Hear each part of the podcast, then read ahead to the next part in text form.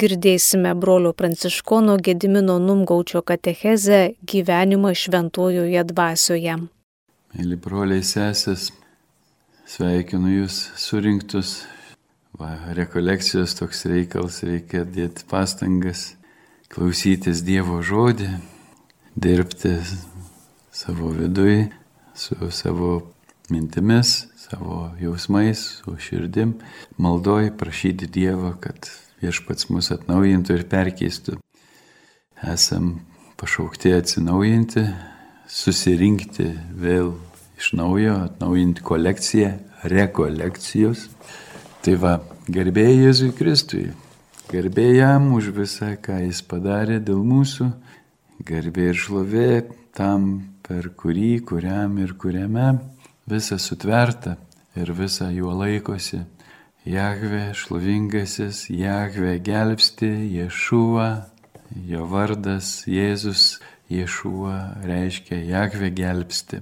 Jahve gelbsti visokiais būdais, Jahve gelbsti per pranašus, per istorinius įvykius, nuolat nepavargdamas, kviesdamas vis į gyvenimą, kviesdamas apsispręsti už gyvenimą su juo ir jame, už gyvenimą jo dvasioje, jo žodžiu. Tai ypatingas pašaukimas kiekvienam, aišku, pirmiausia žydui, paskui graikui. Graikui atstovauja visus pagonis, visas pagoniškas tautas, filosofinio tipo žmogus.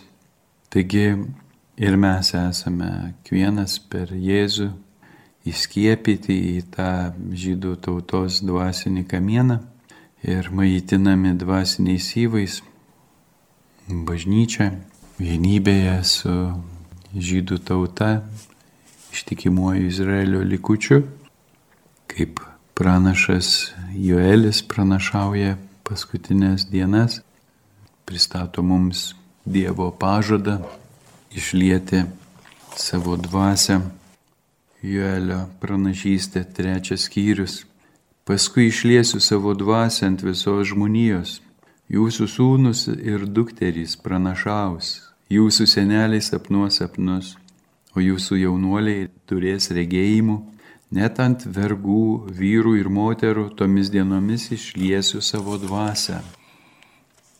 Parodysiu ženklus danguose ir žemėje, kraują, ugnį ir dūmus tulpus Saulė bus paversta tamsa, o mėnulis krauju prieš ateinant didingai ir baisiai viešpaties dienai. Tuomet, kas tik šauksis viešpaties vardo, tas bus išgelbėtas, nes Siono kalne ir Jeruzalėje bus likutis, kaip viešpats sakė, tarp išlikusių bus viešpaties šaukiamieji. Taigi viešpats pranašauja per pranašą Joelį ateinančią didingą ir baisę viešpaties dieną. Ir kas tik šauksis viešpaties vardo, tas bus išgelbėtas. Apaštalas Paulius sako, niekas negali ištarti Jėzus Kristus yra viešpats, jeigu šventoji dvasia jo neparagina.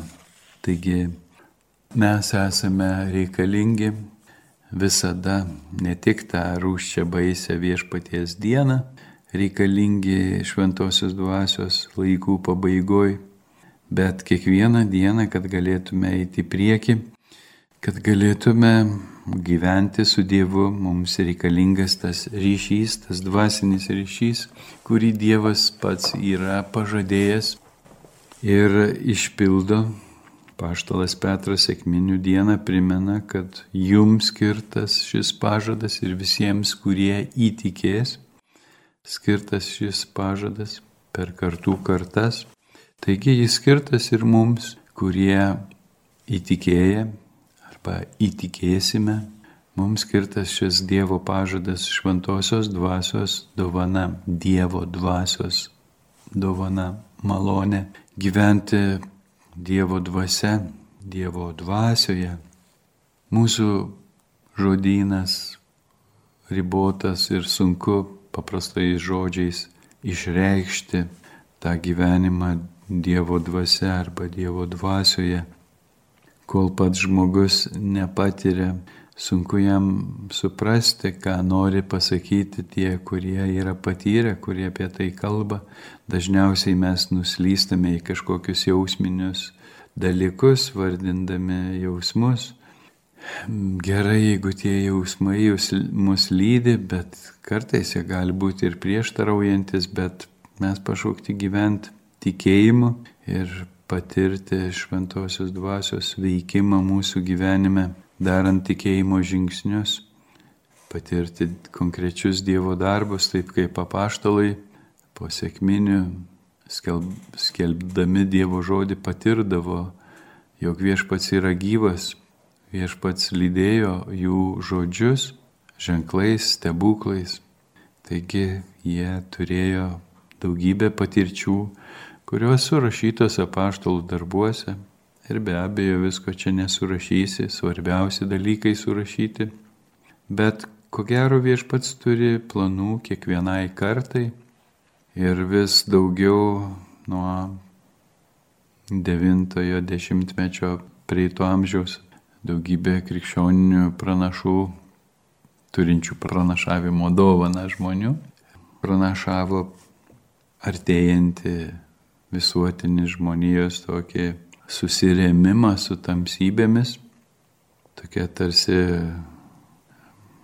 rimta tam, tamsos užgulimą žemės, dvasinės tamsos, pragaro galybių ir kvietė žmonės, tikinčių žmonės melstis ir prašyti šventosios dvasios jėgos toms dienoms, kad galėtume pasipriešinti persikiojimuose, melo propagandos siautėjime, daugybės žmonių suvedžiojime, kad turėtume Dievo jėgos, Dievo dvasios jėgos pasipriešinti ir išlikti ištikimi jam. Ar tai jau mūsų kartai skirta, ar tai bus mūsų kartos repeticija mūsų jaunimui pasimokyti, kas čia žino. Mes turime būti visada pasiruošę ir dėl savo išganimo visiškai egoistiniais sumetimais vadovaudamiesi turėtume rūpintis kiekvieną dieną, apsidrausti, prisirinkti tos manos, kaip žydai dykumoje, kad turėtume to dvasinio maisto, tos dvasinės, kasdienės duonos, šventosios dvasios, kurios prašom tėvė mūsų maldoj, žodžiais tėvė mūsų maldoj. Kasdienis duonos duok mums šiandien. Kasdienis šventosios dvasios duok mums šiandien, nes taip kažkaip viešpats yra sutvarkęs, kad negali ilgam laikui apsidrausti šventąją dvasę, bet vieną kartą per rekolekcijas pasisėmiai ir jau metams užteksi atsargų Na, būna, kad po kokių konferencijų mes grįžę esam ilgą laiką padegti tokie lepsnojam, bet susidūrę su būtiniais sunkumais, su savo kūno ribotumu, silpnumu, atakuojami piktųjų dvasių. Tarsi išbarstame tas žaryjas, ta ugnelė mūsų prigesta, mes vėl išgyvenam šventosios dvasios deficitą. Todėl teisingai ir išmintingai yra žydų pavyzdžių, kaip viešpats pamokė žydus dykumoje, kasdien rinkti maną, išpažįstant savo bejėgiškumą, išpažįstant, kad esam dvasios vargdieniai ir esam reikalingi Dievo dvasios pagalbos kiekvienam žingsnį, kad nepajėgus esam tikėti Dievo meilę, jo pažadu, jo pergalę, jo žodžiu, nepajėgus esam gyventi Dievo žodžiu, vykdyti Dievo žodį, daryti gerus darbus, nuoširdžiai bei skaičiavimu, mylėti pasiaukodami, daryti tikėjimo žingsnius, tuo savęs išsižadėjimo, savo gyvybės atidavimo, skiriant laiką kitam. Tai va, todėl mes šaukėmės tėti, esu tavo sunus, esu tavo dukra, duok man šiandien savo dvasios, kad šiandien gyvenčiau tavo dvasios jėga, tavo vardo garbiai, kad visą, ką darysiu tavo vardo garbiai, daryčiau tavo dvasios jėga. Tėve, aš prašau šiandien palaimink šias mūsų rekolekcijas tokiu vat neįprastu būdu, kalbant ir tikintis, kad kažkas girdi. Viešpatie Tu gali aplankyti kiekvieną žmogų, kiekvienuose namuose. Per šventąją dvasę tu esi su kiekvienu, kuris bebūtų, bet kokiu laiku, bet kokiam pasaulio kampelį. Tu esi su kiekvienu, tu aplankai kiekvieną, tu kalbini kiekvieno širdį įvairiais būdais. Šiandien viešpatie prakalbink per šias rekolekcijas, per šią konferenciją viešpatie kalbink mūsų širdis atverk mūsų širdis, mūsų protus, mūsų, mūsų dvasioje atverk tavo tiesai, tavo meiliai, tavo atpirkimui, tavo išganimui, tam gyvenimui, kurį tu esi dėl mūsų paruošęs, atverk mus tiems darbams, kuriuos tu nori per mus daryti, kad mes būtume įrankiai tavo rankose gerų darbų, kad žmonės pažintų tavo šlovę, pažintų tavo meilę, įtikėtų ir būtų išgelbėti. Viešpatė mes atiduodam šiandien save į tavo rankas. Tu mūsų atpirkai brangia kaina, mes esam tavo nuosavybė, mes trokštam būti tavo nuosavybė. Tavo atsiduodam, tavo atiduodam visą, ką turim ir kuo esam. Visą, ką iš tavęs esam gavę, tavo atiduodam ir melžiam viešpatie. Apsaugok mus nuo pikto, išlaikyk mus ištikimus tau, tavo žodžiui, tavo dvasiai, tavo vardui, tavo meiliai, išlaikyk mus ištikimus, vesk mus tėvę išganimo keliu, vesk mus savo žodžiu, kuris spindi mums kaip šviturys, šviečia kaip šviturys tamsoj, tavo dvasia kaip globėja, te paima mus už rankų kaip už rankos kaip vaikus ir veda tėvę Jėzaus sėkimo keliu tavo namus. Tavyje mūsų viltis. Amen. Pirmiausia, ko gero, reikėtų mums prisiminti, kas yra ta Dievo dvasia, viešpaties dvasia, šventoji dvasia, ruach. Mes šventam rašte randam daugybę visokių simbolių, pranašiškų ženklų šventosios dvasios, bandant žmonėms pristatyti šventosios dvasios veikimo būdus, galimybės, kad atpažintume tą dvasę mūsų liturgijoje, liturginiuose ženkluose, vėliavose ar, ar kokiuose nors ten, pavyzdžiui, krikšto pažymėjimuose ar knygose, viršeliuose iliustruojama, na, kokie dažniausiai sutinkami simboliai iš Biblijos paimti. Tai pirmiausia, kai mes pamatom ugnies liepsną ir paukščio siluetą, balandžio siluetą, mums tuoj pat kyla asociacijos su sėkminėmis, su šventąją dvasia, kuri nužengė ant apaštalų ugnies liežuvių pavydalu kaip ugnis, kuri padegė apaštalų gyvenimus. Arba kai balandis, kuris nusklendo ant Jėzaus, nusileido ant Jėzaus, pasiliko ant Jėzaus, kai balandis, kaip paukštis. To balandžio simbolį galima atrasti ir naujaus istorijoje, kaip gerosios naujienos nešėjo su alyvmedžio šakelė snape. Taip pat šventoji dvasia vaizduojama kaip gyvasis vanduo, kuris nuplauna, gydo gyvojo vandens upės kurios pakrantėje auga medžiai, kurių lapai tinka gydimui. Krikšto vanduo, Jordano vanduo, kuriame pasineria Jėzus. Viešpats prisistato kaip gyvasis vanduo. Šventoji dvasia tokia yra visur prieinanti, betarpiška tokia tarpininkė, ryšininkė Dievo su žmogumi. Ruach Tai graikiškai iš, išversta kaip pneuma, kaip vėjo gūsis, kaip vėjos oro smūgis kažkoks, švelnus vėjelis, jo dvelkimas rojuje. Ta ruach, hebrajiškai, kadoš šventoji dvasia, sklando virš vandenų, Dievui kuriant pasaulį, Ji mėgsta lankytis pa žmonių vaikus ir žaisti su žmonių vaikais. Visų kitokių užuomenų pilna šventajame rašte. Kaip e, ant Dovido nužengė ir galingai užvaldė viešpaties dvasia, kai jį patepė aliejumi. Aliejus, va, kuriuo patepami pranašai, kunikai ir karaliai per Arono barzdą varva aliejus, tokiu būdu išreiškiama tos Dievo malonės, Dievo dvasios gausa. Dievas negaili, besaiko lieja savo dvasę. Mes kartais iš didelės pagarbos taip suminimalizuojam tą šventosios dvasios dovano ženklą, kad tik tais kažkokią nuo perskėlę ten pasitepam pirštelį, patepam kaktą vaiko ir, ir tai dar nuvalom, kad nebūtų išniekinimo. Taip pat jau labai taupom tą malonę, taip jau saugom tą išorinį ženklą. Kituo tarpu Dievo žodis sako, aš lieju savo dvasę be saiko.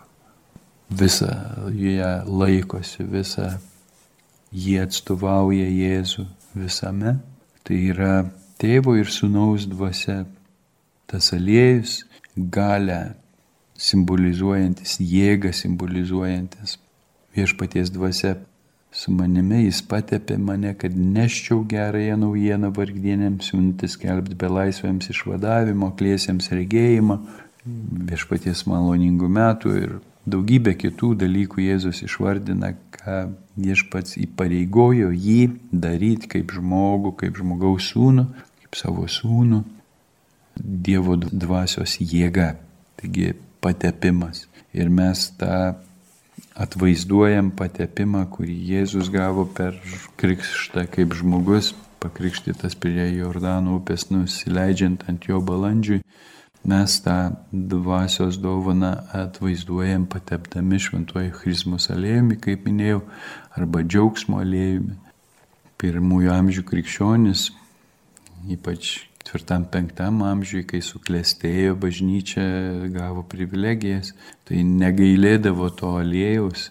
Ir jeigu kam nors teks dalyvauti armenų krikšto apieigose, kur jie yra užsikonservavę ketvirtame amžiuje ir išlaikė to laikmečio bažnyčios tradicija, tai visą žmogaus kūną ištepa aliejumi, savo akim mačiau, kaip kunigas tepė kūdikį net ausis išvedžioju su pirštu su tuo malėju, kojas, rankas, viską ištrynė, visą kūną ištrynė aliejumi, tuo parodydamas, tuo bažnyčia norėjo žmonėms parodyti, kad kai Dievo dvasia per krikštą nužengia ant žmogaus, į visą jo kūną paverčia Dievo dvasios šventovę, atstato rūmą ir garbę ir gydo ir pripildo gale vykdyti Dievo žodį, vykdyti Dievo valią, daryti Dievo darbus, kuriuos darė Jėzus, kuriuos mums yra skyręs daryti tėvas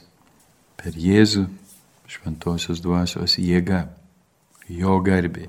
Jeigu mes darom savo jėgomis, remdamiesi savo supratimu, savo išsilavinimu, savo apsiskaitimu, savo valios pastangomis, tai mums garbė ir šlovinami mes esam. Mes imam garbę iš žmonių, bet ne iš Dievo. O kai mes darome dalykus Dievo dvasios jėga ir atiduodam garbę Dievui, ne savo priskiriam, išpažindami savo visišką bejėgiškumą, kaip papaštalas Paulius, tai tada garbinamas, šlovinamas yra Dievas. Tai yra rimtas skirtumas. Tai kokie dar simboliai šventosios dvasios tokie yra ryškus Biblijoje? Vynas. Vynas va, simbolizuoja meilę, džiaugsmą, gyvybę, sveikatą. Kanos vestuvėse pritrūko vyno. Reiškia, ta šeima neturi meilės, trūksta meilės deficitas, džiaugsmo deficitas. Ir Jėzus vandenį paverčia vynu, apsireikšdamas kaip tas dieviškasis vynmedis, iš kurio trykšta dvasinis vynas. Pranašai šventame rašte skūsdamiesi Dievo dvasios deficitu, kai jiems trūksta dvasios, sakydavo savo maldavimuose, Dieve, kodėl atskėdėjai mums vyną vandeniu. Tokia va dvasinė maža kraujystė, taip išreiškime. Taigi vynas irgi yra Dievo dvasios simbolis. Prisimename ir apaštalus apkaltino sėkminių dieną, kad jie prisigėrė jauno vyno. ir šneka čia keistus dalykus tokius, kalba kalbomis, bet stebisi, kad vieni kitus supranta. Ir teko Petrui teisintis, kad dar trečia valanda, kad dar krautuvėlė netidaryta ir kad čia išsipildė iš tikrųjų pranašo Joelio žodžiai. Bet jie buvo panašus į girtus žmonės. Gal ir jums yra tekę matyti pamaldose, šlovinimuose, kokiuose konferencijose, maldos, kokiuose sesijose, pas charizmatikus, tokių reiškinių, kad žmonės pradeda atrodo kvailioti ir tarsi girti, kartais net nukrenta ant žemės ir negali atsistoti ir, ir juokiasi, atrodo kaip girti.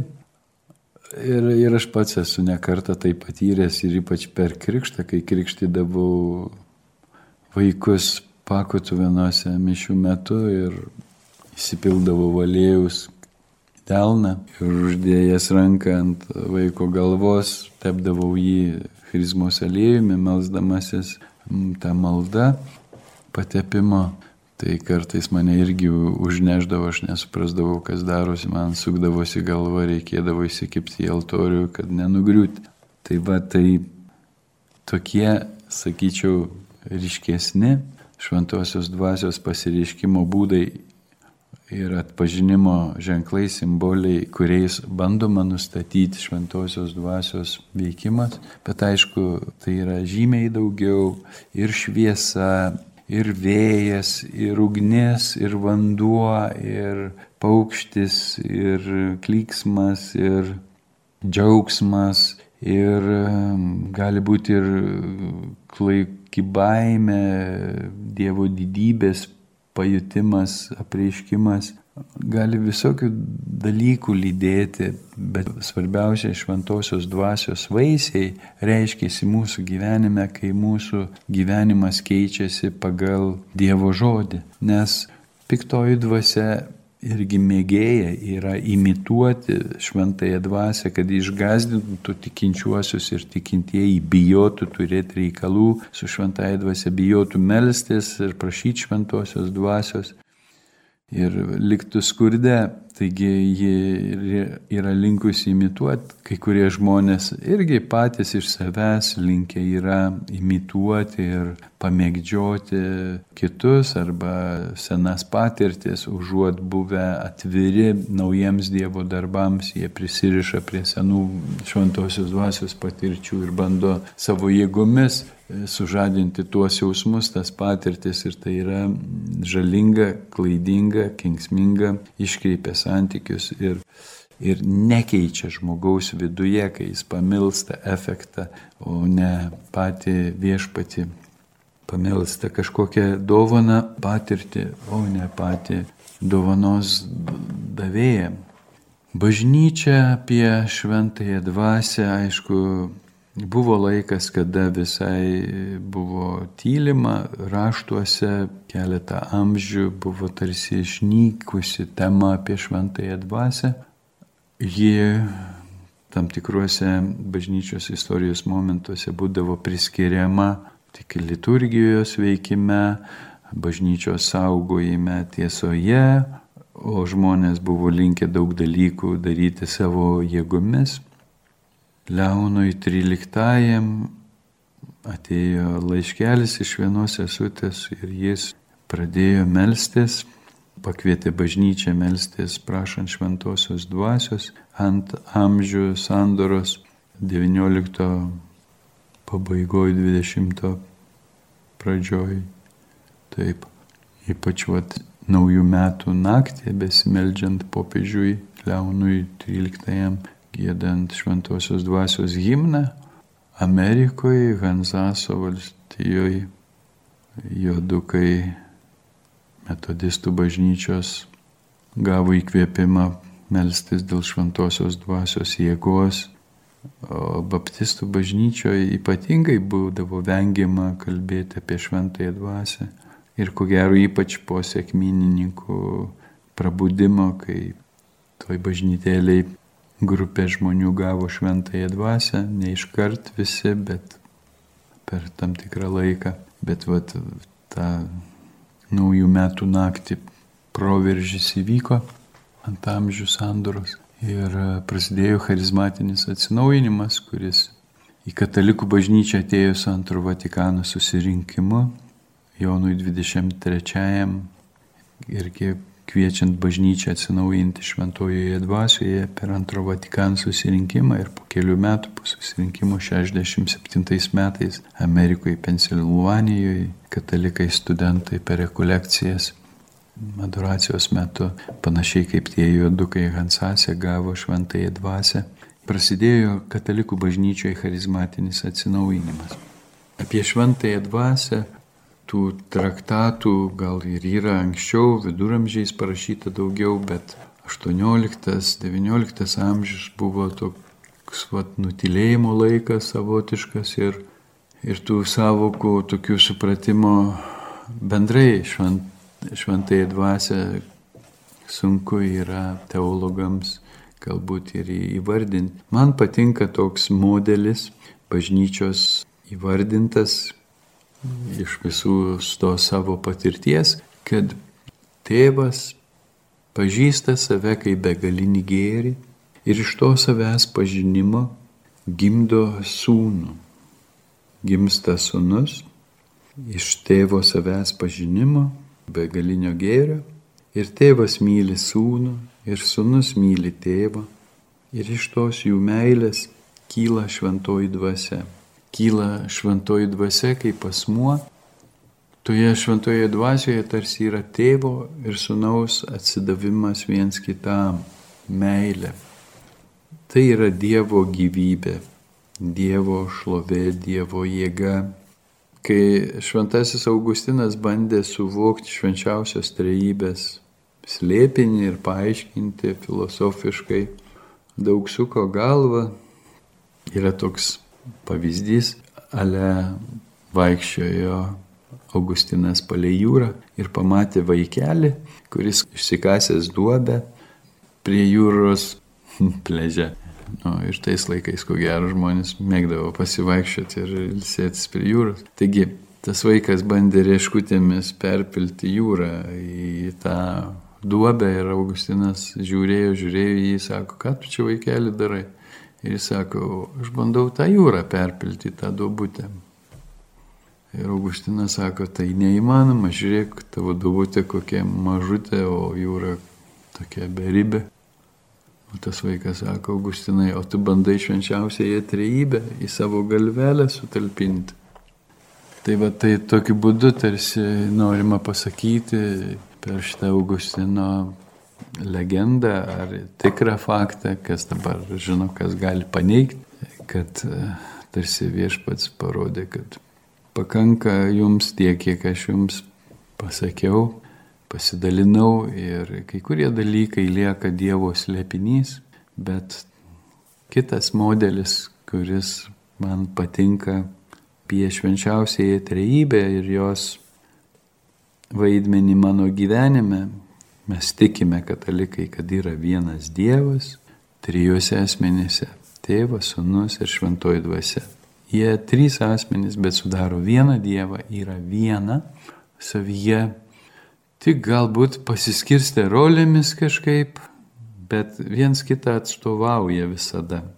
Jėzus kalba apie tėvą, kad aš ir tėvas esame viena, nieko nedaro be tėvo jis kad tėvas visą jam yra atidavęs ir panašiai su šventaja dvasia.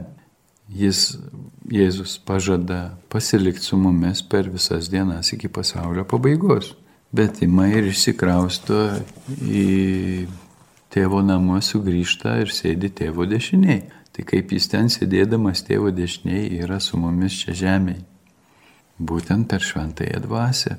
Jeigu savo kūno dienomis jis buvo apribotas, ir galėjo bendrauti su keliais tūkstančiais ten žmonių ir neturėjo tokių technologijų, kaip dabar mes turim, naudojasi natūraliomis gamtinėmis technologijomis, ten kalbėdamas iš valtelės prie ežero dideliai miniai, kur nuo vandens gerai atsispindi garsas.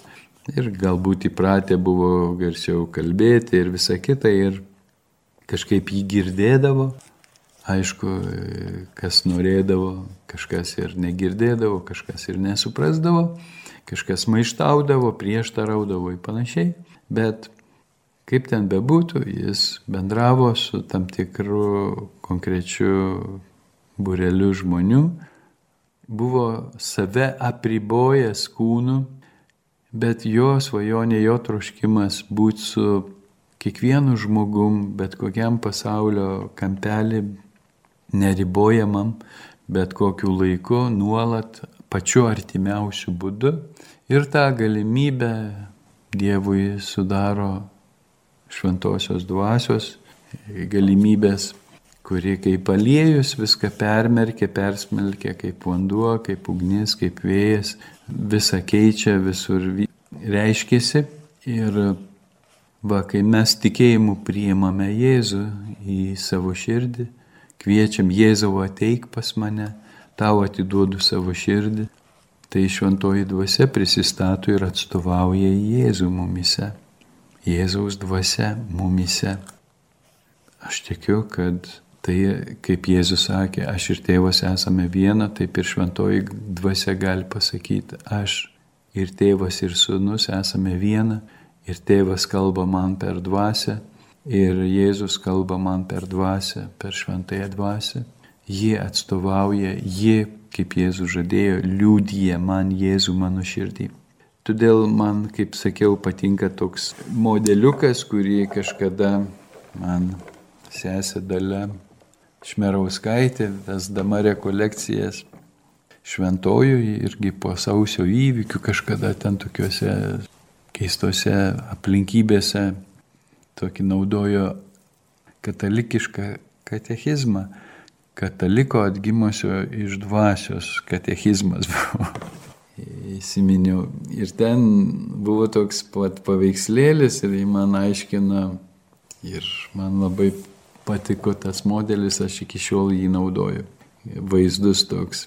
Aš per krikštą panardintas vidinėme švenčiausios trybės gyvenime. Juk kai krikštyjamas žmogus nardinamas vardan tėvo, vardan sunaus, vardan šventosios dvasios. Į vardą, tai reiškia į asmenį, į tėvą, į sūnų, į šventąją dvasią panardinamas į švenčiausios trybės vidinį gyvenimą.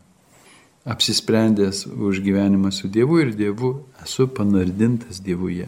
Ir dabar galbūt norisi mums suprasti, iš kur ta šventoji dvasia, kaip jie atrodo, kaip ką, vad sūnų, tėvą, lygu mes lengviau įsivaizduom. O kas gali tėvą įsivaizduoti iš tų paveikslėlių dekadencinių, kur vaizduojamas tėvas kažkada bažnyčioje iš vis buvo draudžiama vaizduoti Dievą tėvą. Tik kai ikonografijos dekadensas prasiveržė, pradėjo vaizduoti tėvą, tai ir katalikiškose bažnyčiose visur tėvas barzdotas senukas, Nu, jo, iš apokalipsės knygos ten galim kažkokį įvaizdį matyti, bet tėvo niekas niekada nėra matęs ir jo būdavo draudžiama vaizduoti, todėl senose bizantinėse ikonose geriausiu atveju tėvas būdavo vaizduojamas kaip rankikė. Virš kryžiaus rankikė, kuri siunčia šventąją dvasę ir siunčia sūnų kaip siuntėjas.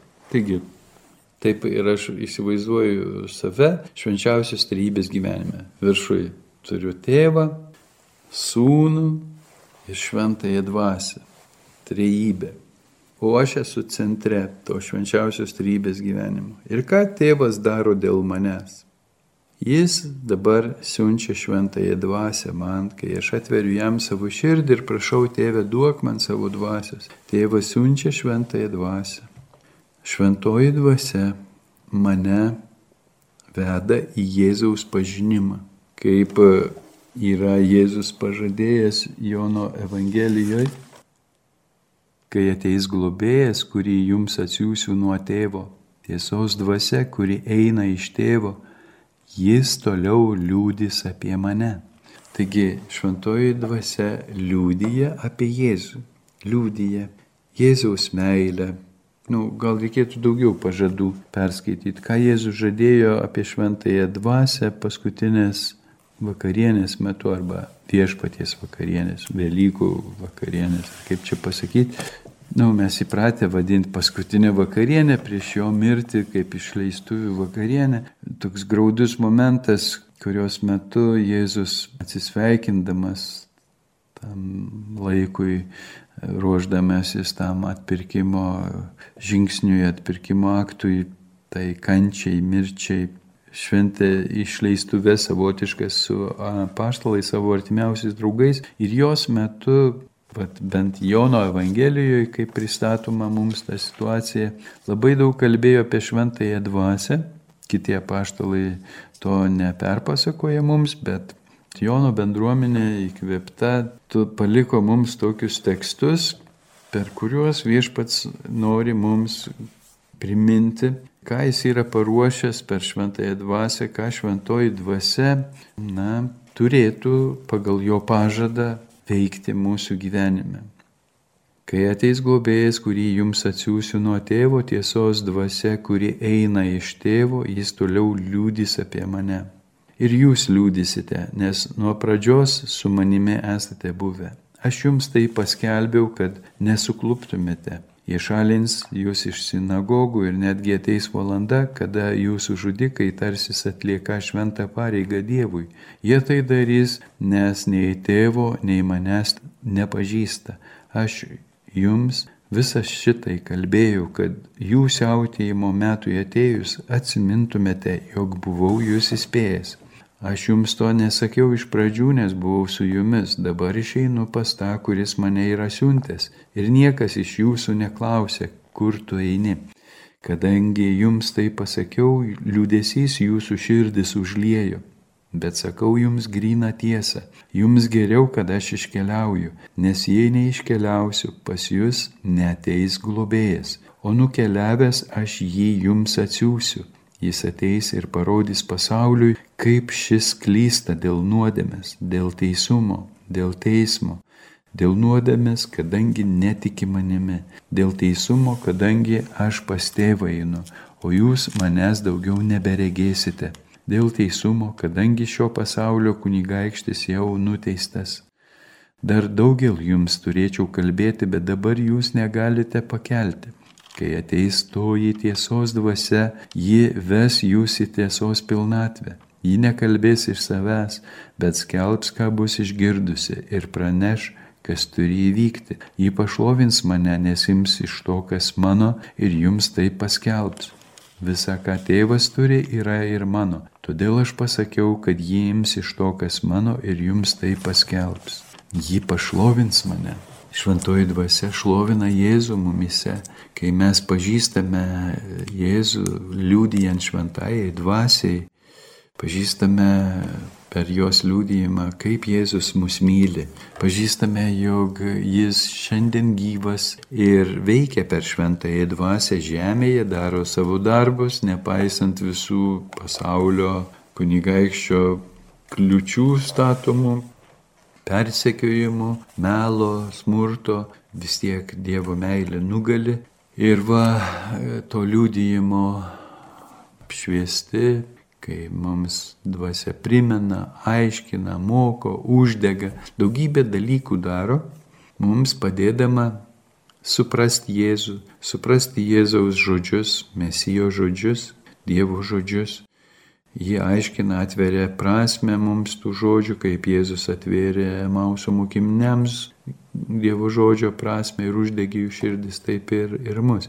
Ir daugelį, daugelį kitų dalykų daro, kurie mums reikalingi tame išganimo kelyje, be ko mes nepajėgus eiti išganimo keliu, nepajėgus sekti Jėzumi. Jeigu mes jo nesuprantame, netikime, nepasitikime, nemylime, esame abejingi, mes jo neseksim. Mus greit nuvilios kažkas kitas. Mes seksim kažkuo kitu, mes adoruosim kažką, tik ne Jėzų Ir kad tik ne Jėzų adoruotume, mums siūloma bus daugybė visokių blizgučių, pramogų, ko tik nori visokių malonumų, kad tik mes nepažintume Jėzaus.